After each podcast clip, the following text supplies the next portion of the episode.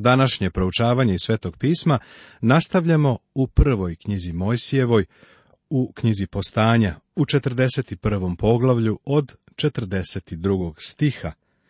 I govorimo o gladi u Egiptu i o razgovoru Josifa i Faraona.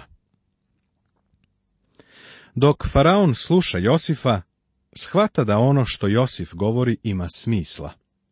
Jako je loše da u mom narodu, u našoj vladi nije bilo ljudi koji su imali isto osjećanje za budućnost. Američka inostrana politika od pre drugog svjetskog rata, čak još iz doba kada je Hitler stekao moć, bila je politika prve pomoći. Nešto bi se na brzinu primijenilo kao hitna mera. Neko je jednom upitao državnika Gladstona kako se može proceniti veliki državnik, a on je rekao da je to čovek koji poznaje Božije usmerenje za sljedećih 50 godina. Pa, ovdje u prvoj Mojsijevoj rečeno je šta će se desiti u sljedećih 14 godina. I naš narod bi mogao da iskoristi ovakvog čoveka. Pa, ko bi onda bolje od Josifa mogao sve to da preuzme? Faraon je shvatio da je Josif sposoban čovek. Uviđaš li sad kako ga je Bog obučavao u Petefrijevoj kući? Možemo se pitati zašto bi Bog uopšte dozvolio da on uđe u ovakav dom. Sada shvatamo da je on stekao značajnu obuku u Petefrijevom domu, gdje je bio zadužen za sve što je taj čovjek posjedovao. Sada će biti postavljen nad svime u Egiptu. Ovo je izvanredan prelaz u njegovom životu. Prošao je celim putem od tamnice do trona, da bude prvi do faraona. Iskide faraon prsten s ruke svoje i metnu ga Josifu na ruku. I obuče ga u haljine od tankoga platna i obesi mu zlatnu verižicu o vratu. Uzgled prsten je na sebi imao pečat. Kada bi se stavio u vosak, bio je ravan faraonovom potpisu. Faraon od Josifa stvara svog predstavnika. Josif je dobio pravo da koristi faraonov potpis i posadi ga na kola koja behu druga za njegovim i zapovedi da pred njim viču klanjajte se i da ga je postavio nad svom zemljom misirskom. I još reče faraon Josifu, ja sam faraon, ali bez tebe neće niko maći ruke svoje ni noge svoje u svoj zemlji misirskoj. Josif se ženi Asenetom, i nadene faraon Josifu ime Tomo Fanih i oženi ga Asenetom, kćerju Pontifere, sveštenika Onskoga.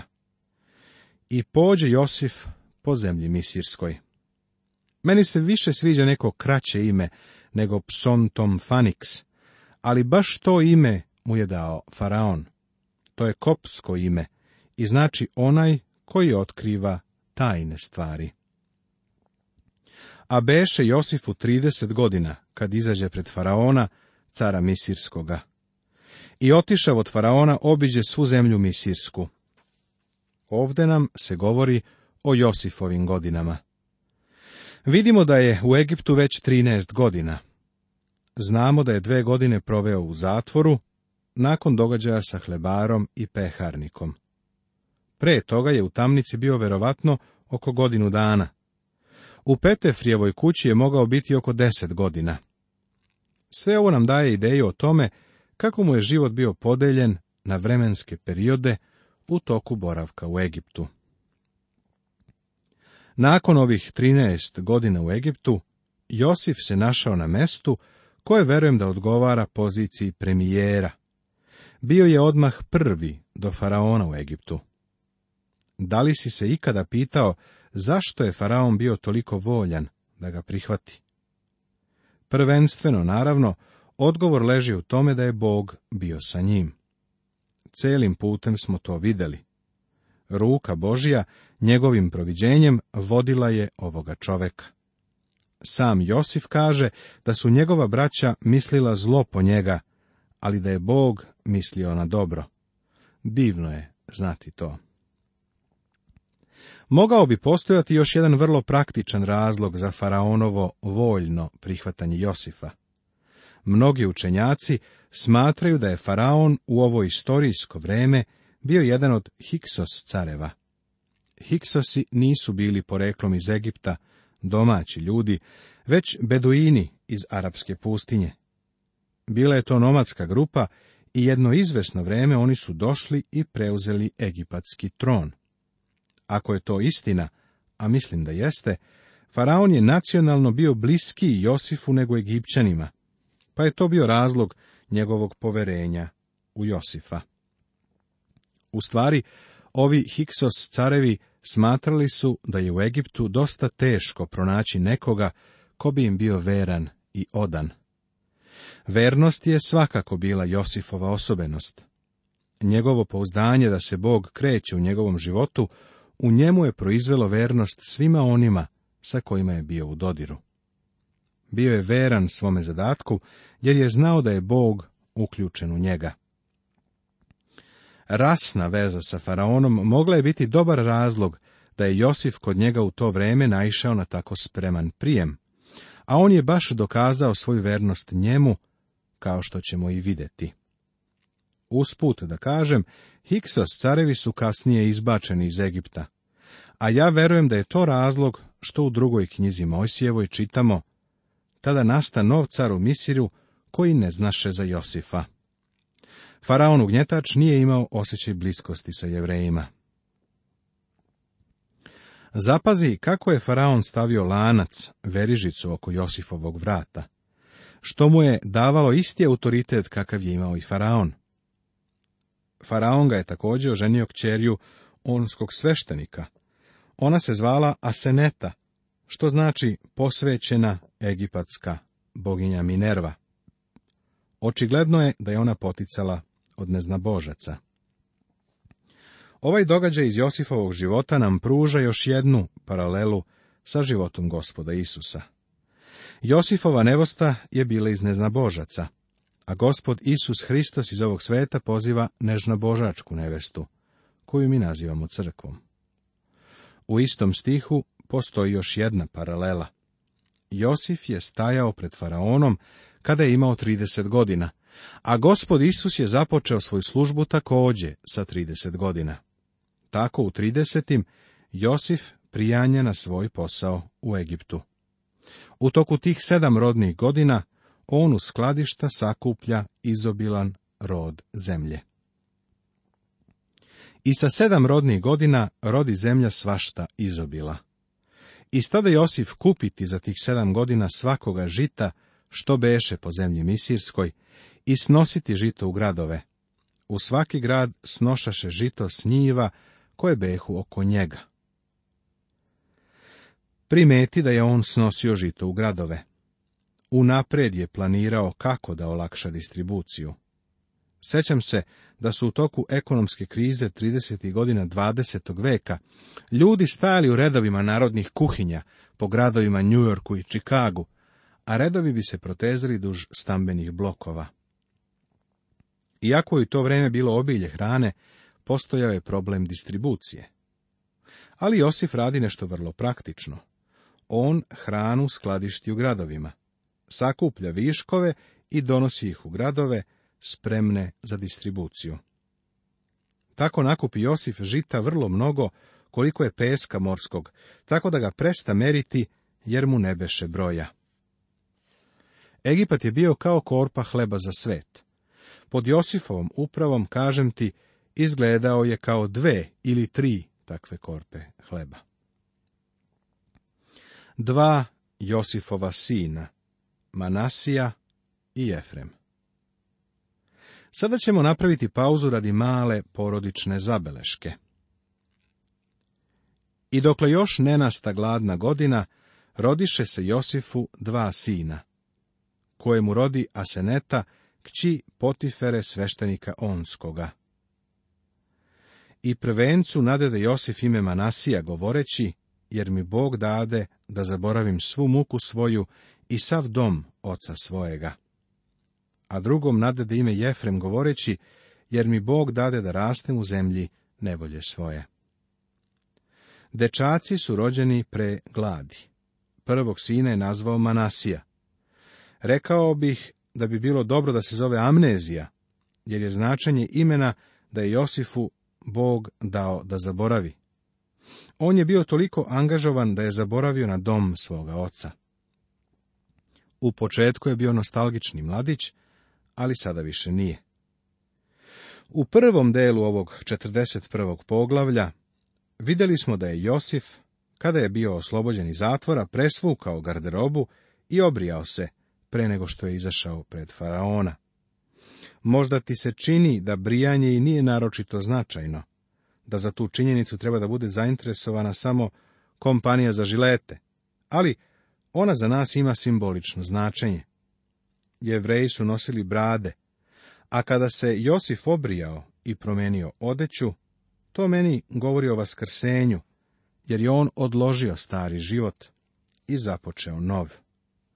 Od tada pa nadalje on se oblači kao egipćanin, govori kao egipćanin i živi kao egipćanin. On izjavljuje, Bog mi je dao da zaboravim. Tako svog sina naziva Manasija, a ti ako hoćeš možeš ga zvati Amnezija. Drugom sinu daje ime Jefrem, jer to znači plodan. Tako ovog drugog sina ako hoćeš možeš nazvati Ambrozije. Neko može prigovoriti da je reč o slobodnom prevodu, možda i jeste, ali ako imena ove dvojice dečaka prevedeš na domaći jezik, upravo je to njihovo značenje. Njegovi sinovi su bili Amnezija i Ambrozija. Josif im je dao dva imena, jer je Bog učinio da on zaboravi dom svog oca i učinio je njegov život plodnim u Egiptu. Ali prođe sedam godina rodnih u zemlji Misirskoj. Sedam godina obilnog prinosa ili sedam rodnih godina je završeno i počeće glad. U ovo vreme Josif ima 37 godina. Imaj to na umu radi sljedećeg poglavlja. I nasta sedam godina gladnih, kao što je Josif napred kazao. I beše glad po svim zemljama, a po svoj zemlji Misirskoj beše hleba. Ali najposle nasta gladi po svoj zemlji Misirskoj, i narod povika faraonu za hleb. A faraon reče svim Misircima, idite k Josifu, pa šta vam on kaže, to činite. Želeo bih da tvoju pažnju privučem na činjenicu da je Josif onaj koji je imao hleb. Ovde postoji još jedna paralela. Isus Hristos je rekao, ja sam hleb života. I kad glad beše po svoj zemlji, otvori Josif sve žitnice i prodavaše misircima. I glad posta vrlo velika u zemlji misirskoj. I svih zemalja dolažah u misirk Josifu da kupuju, jer posta velika glad u svakoj zemlji. Zapazi da glad vlada širom sveta. Poglavlje 42. Dramatični događaj u Josifovom životu počeli su da se razvijaju i odmotavaju. Boži sistem za korišćenje Josifa da bi se sačuvao narodu toku gladi i da bi se Jakovi i njegovi sinovi premestili u Egipat, počinje da se javlja u jasnim detaljima. Kada je Josif bio tamo u tamnici, nije mogao da vidi sve to. Ali verovao je Bogu. On je čovek koji je zbog svoje vere uvek bio entuzijasta i optimista. Iskreno, voleo bih da moja vera tako daleko dogura, da ma šta se desilo i uprkos svim okolnostima, mogu biti optimista. Veruj mi, nije potrebno mnogo kiše ili tamnih oblaka koji će me učiniti manje optimističnim nego što to treba da budem. Siguran sam da ovo važi za mnoge danas. Josif je u jedinstvenoj situaciji. Verujem da bi ti uvek mogao pogoditi šta će se desiti. Glad je svuda po svetu i sav svet dolazi u Egipat po žito. Pogodi ko dolazi na večeru glad prisiljava Jakova da desetoricu svojih sinova pošalje u Egipat da kupe hranu. Zašto samo desetoricu? Zašto nije poslao i Venjamina? Nije želeo da ga izgubi. Ako bi izgubio Venjamina, to bi ga ubilo. Josif je prepoznao svoju braću, ali oni nisu prepoznali njega. Zašto nisu? Pa ima više razloga. Pre svega, mislili su da je mrtav, tako da ga uopšte nisu ni tražili. Nisu očekivali da ga ikada više vide, ali on jeste očekivao da vidi njih. Zatim, moramo se setiti da su prošle mnoge godine. Bilo mu je sedamnaest godina kada su ga prodali, a sada ima trideset i sedam godina, plus tih nekoliko godina gladi mogli bismo reći da je prošla i samo jedna godina gladi, tako da ga nisu vidjeli 21 godinu.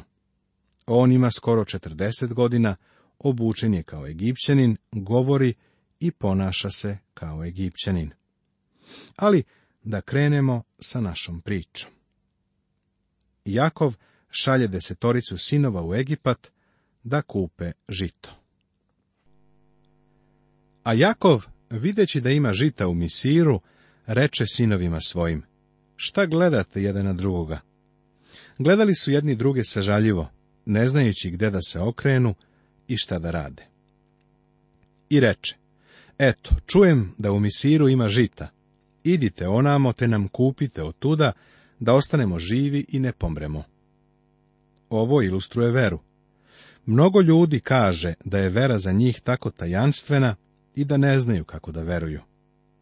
Razgovarao sam sa čovekom koji nije želao da veruje, a njegov argument je bio sljedeći, pa kako da verujem? Zapazi ovdje kako je Jakov verovao. On je nešto čuo. Eto, čujem da u misiru ima žita. On je u to verovao. Verovao je da ih to može održati u životu. Zato je postupao na osnovu svoje vere. Idite onamo, nam kupite od da ostanemo živi i ne pomremo. Prijatelju, ovo je vera koja spasava. Neki ljudi kažu, kako da verujem u Isusa? Možeš li zamisliti kako Jakov stoji tamo pred desetoricom svojih sinova i govori, čuo sam da u Egiptu ima žita, ali kako da verujem u to? Pa, način da se veruje jeste da se deluje na osnovu te vere. Biblija kaže, Veruj gospoda Isusa Hrista i bit ćeš spasen.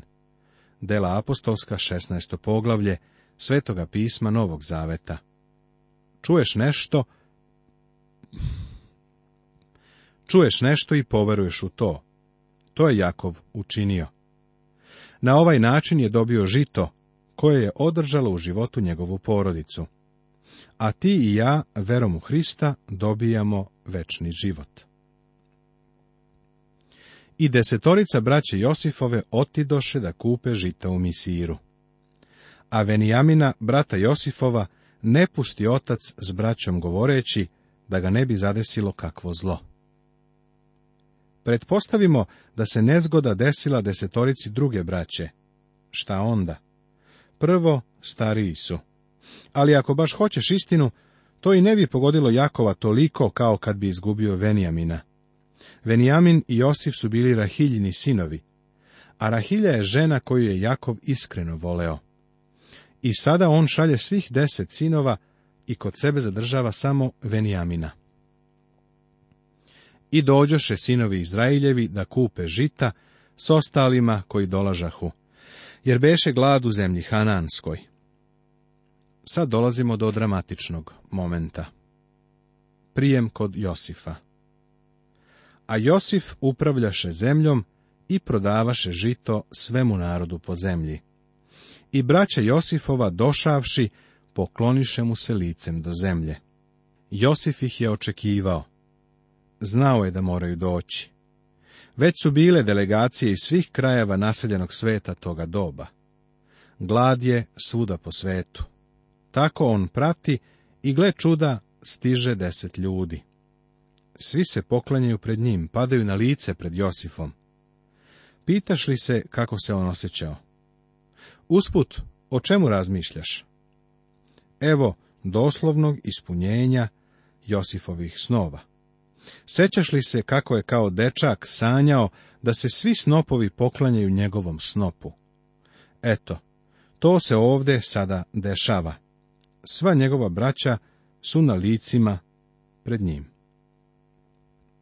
A Josif, ugledav braću, pozna ih, ali se učini da ih ne poznaje i oštro im progovori reče odakle ste došli. A oni rekoše iz zemlje Hananske da kupimo hrane. Josif, dakle, pozna braću svoju, ali oni njega ne poznaše. Znaš li zašto je grubo postupao sa njima? Iskušava ih. Videćemo da će ih stalno iskušavati i stavljati na probu postavit će im kasnije neka prodorna i pronicljiva pitanja. Nastavit će se